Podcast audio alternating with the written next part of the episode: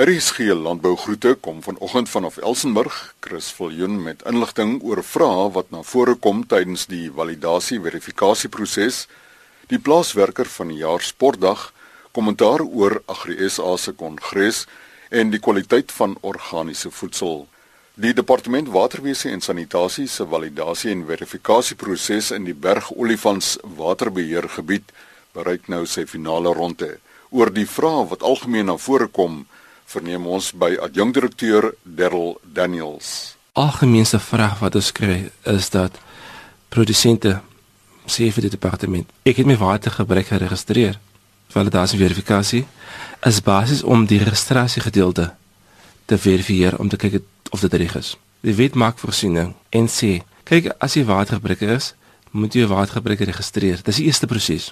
Die tweede proses is ons bepaal nou of daardie gebruik wat jy geregistreer het werklik wettig was of weet wettig uitgeoefen het gedurende die kwalifiserende periode soos geïdentifiseer in die wet. So dis basies die proses van verifikasie validasie. So ons versoek is nog altyd diegene wat nou die oop daar bygewoon het nie. Maak asseblief seker dat jy wel die konsultante in verbinding met tree en julle verifikasie en validasie doen op die grond. Die ander vraag wat ek sosiaal kry is dat wat maak my 'n watergebruiker? Hoekom moet ek deel wees van die proses? Hoekom moet ek registreer? As jy 'n watergebruiker is en jy neem water, jy het 'n klein stukkie grond, 'n klein hoewe of 'n groot stuk grond, 'n groot plaas of jy gebruik water op jou plaas, mag dit wees uit 'n boorgat uit, mag dit wees uit 'n rivier uit, mag dit wees jy kry water van 'n besproeiingsrad af. Wat is die doel? Jy moet registreer. Nou wat registreer jy? Registreer die volume wat jy wetlik is om te gebruik. Wat is wel opgelet het is baie van die eienaar se kontakbesonderhede was nie korrek nie. En ons gee vir kans om hulle besonderhede reg te maak. Die volgende stap is basies ons gee vir hulle klein um, um, um kaart soos in 2000 hoe hulle grond gelyk het en ons konsultant het 'n mooi uiteengesit watter gedeelte van die grond was nou onder besproeiing geweest. Die ander vraag wat ons ook wel kry, Chris, is dat gebruikers vra die departement, ek behoort net water, kry net water van 'n besproeiingsraad af of 'n waterverbruikersvereniging. Reg genoeg, maar deel van die proses is dat as jy 'n watergebruiker is, individueel moet jy jou watergebruik by die departement kom registreer. So ja, as jy water net kry van 'n besproeiingsraad af of van 'n waterverbruikersvereniging af, moet jy nog altyd deel wees van die proses jy jy moet jy watergebruik registreer. As jy buite 'n waterbestuur area val en jy onttrek minder as 10 kubiek op een gegee dag uit 'n boorgat uit en dit al die waar ja, hy watergebruik uitgeoefen, is dit nie 'n moet vir jou om te registreer nie. Maar as jy bo daardie limiet val, moet jy registreer. As jy nie een van die mense is wat nie watergebruik geregistreer het nie, gaan na die webtuiste toe. Doen navraag kom tree in verbinding met die konsultante dat hulle kan uitvind of jy moet registreer en hoe hulle vir julle kan help. Darryl Daniels is die adjunkdirekteur van die departement waterwese en sanitasie en die webadres www.v.ms.co.za.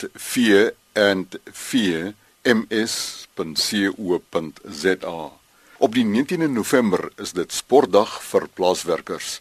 Rita Andreas is die woordvoerder van die Nasionale Plaaswerkers Forum. Ek wil baie dankie sê vir al ons produsente en al ons werkers wat so hard werk om nou weer die seisoen te nader. En dan wil ek sommer almal net weer herinner aan ons wonderlike um, plaaswerker van die jaar se sportdag op 19 November. Ek weet of julle almal gesien het hoe goed dit die dorings in gelykie.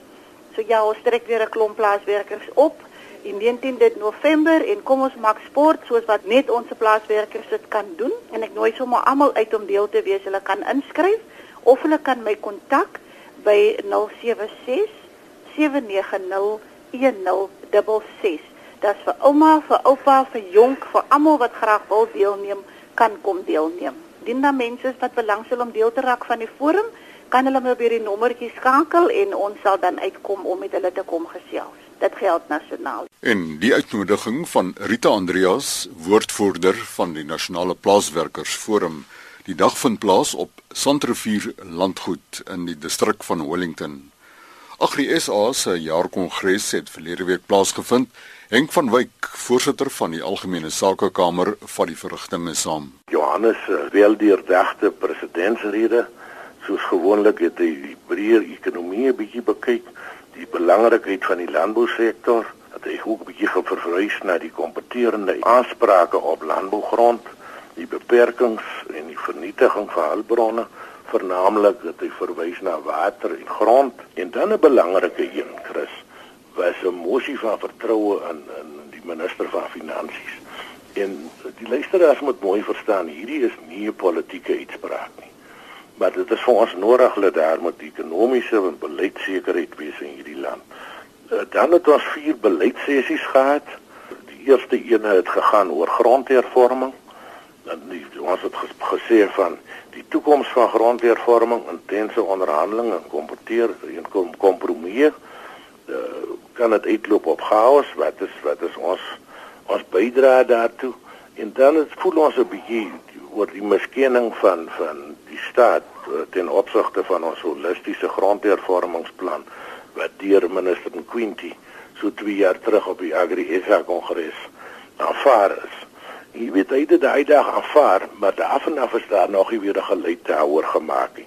Agriesa doen 'n klomp grondbreekwerk rondom grondhervorming, maar dit is asof die regering ons rol miskien.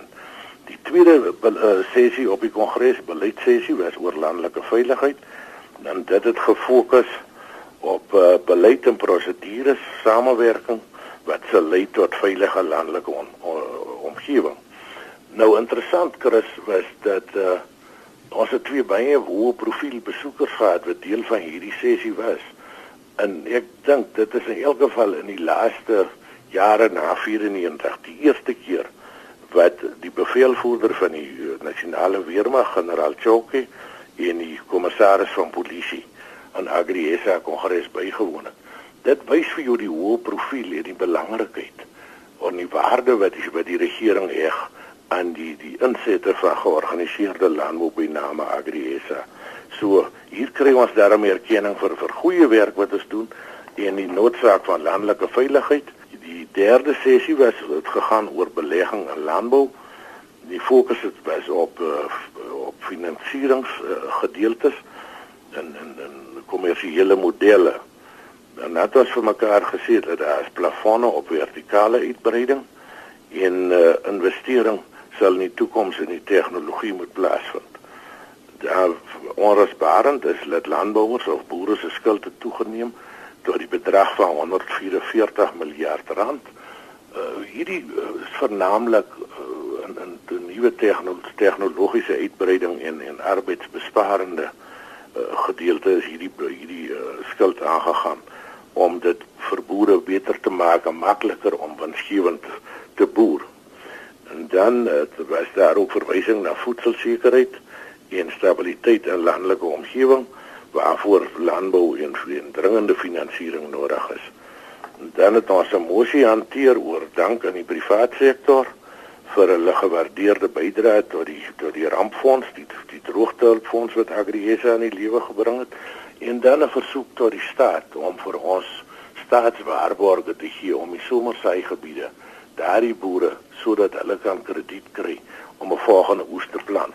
Want jy weet dit sal 'n kwade dag wees is is is daai 30% boere wie gaan sukkel om produksiekrediet te kry nie kan plant nie en ons kan heel moontlik moet 'n gemiddelde of 'n bo-gemiddelde reënjaar sit.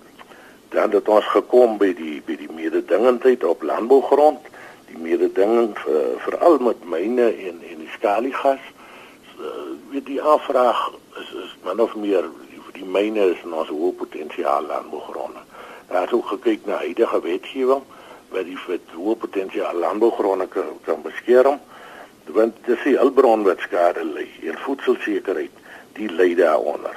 Daar's daar ook gekyk na die wetlike of uh, omgewing rondom skaliegasontwikkeling. So dit was 'n mondvol die kongres en daar's 'n klomp werk wat vorentoe ook nog sal moet gedoen word as uitvloeisel van hierdie besprekings wat in die kongres was. Die panele was almal gevul deur deur absolute kundiges op hulle gebied. Dan uh, het ons die reorganisasie weer gehad. Ek dink dit was 'n mosie van vertroue in die dagbestuur van Agri SA alle amptenare. Dis nou die president Johannes Moller, uh, Dan Kriek en Phineas Komedi, die twee visiepresidente, asook die voorsitter van die bedryfskamer, Harry Prins, en myself is almal onbestrede heer kies. Die voorsitter van Agri SA se algemene sakekamer, Henk van Wyk.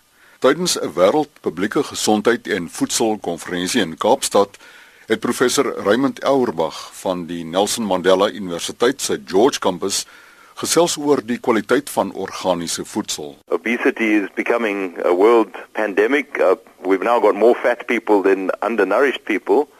And there were many papers on measures to limit advertising to children, especially of sugar sweetened drinks. And they pointed out that there have been three campaigns on um, public health nutrition over the last 20 years.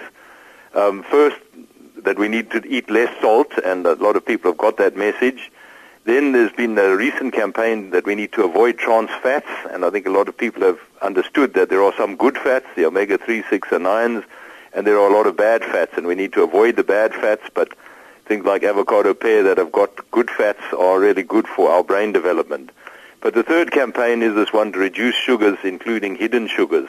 And there were many papers on the actual need to reduce sugars and what damage sugars do to um, especially the developing child. Then getting closer to my topic, um, there were some German and Indonesian academics who gave a very interesting workshop on organic food systems. And they showed that, you know, it's important how we grow the food, but it's also important how we process the food, how we prepare the food, and that we have dietary diversity. And all of these things contribute to health, and they were able to show that where the dietary diversity increases um, or traditionally has been wide, then uh, the health is better. You, you, need your vegetables, you need your fruits. You can't just eat um, processed foods, and the more fresh veg and fruit you get, the more healthy you are. So they also looked at uh, at the, the sugar levels and the hidden sugars and how in some cases, um, organic foods start off being quite healthy and then get processed just as badly as the others, and then of course they become unhealthy. So you can't take um, a healthy product and treat it badly and think it's still going to be healthy, obviously. Well, my paper dealt with the quality of organic food, and um, what I did was to review several major studies that have looked at is there a difference between organic and conventional. And of the seven major meta-review studies, um, five of them conclude that there definitely are um, significant benefits in organic foods, and the other two say, oh, there are benefits, but they're inconclusive. So the one that has been most comprehensive was a, a study by the, the um, AFSA, the French Food um, Scientist Organization, and they said, yes, organic food is definitely better. There definitely is um, less poison in organic products. There's half as much nitrate, and the nitrate um, is, is something that we don't want, um, although um, the body can use it to make protein. Um, pure nitrate is not a good substance for us to take in, and a lot of the um, processed foods have a lot of nitrate in them. So organic foods, on average, are, have half as much nitrate, and in the case of dairy products, they've got less of the trans fats, less saturated fats, and a lot more healthy fats. And they've also got 60% more of a number of antioxidants, in particular the flavonoids. So the antioxidants are important in health, and um, the, some of the vitamins are also consistently higher in organic foods. And the organic regulations restrict many of the destructive processing techniques. So hopefully, if one has something that is certified organic, it is likely to not have chemicals in it, and it's likely to have more of certain nutrients in it. I then looked at more recent research looking at the comparative trials. Um, you know, on Sarsfield here we've got long-term comparative trials which are now in their third year. We're about to plant, looking at what is it like when you rotate and when you don't rotate your veggies, and what is it like comparing organic with conventional. Professor Raymond Auerbach van die George Campus van die Nelson Mandela Universiteit. Die Augsburg Landbougymnasium beslaan twee kampusse op Klein Willem. In RSG Landbou môreoggend om kwart voor 12 ontmoet ons die nuwe skoolhoof. Ons is 50-50. Uh, is nogal interessant. Laat ons dogters kom baie sterk deur in die landbou. Daar neem net soveel dogters landbou as wat daar seuns landbou neem. En ons dogters kom baie sterk weer in die opleidingskursusse veral waar dit gaan oor beoordeling. Dit wil vir ons lyk of die dogters 'n beter aanvoeling het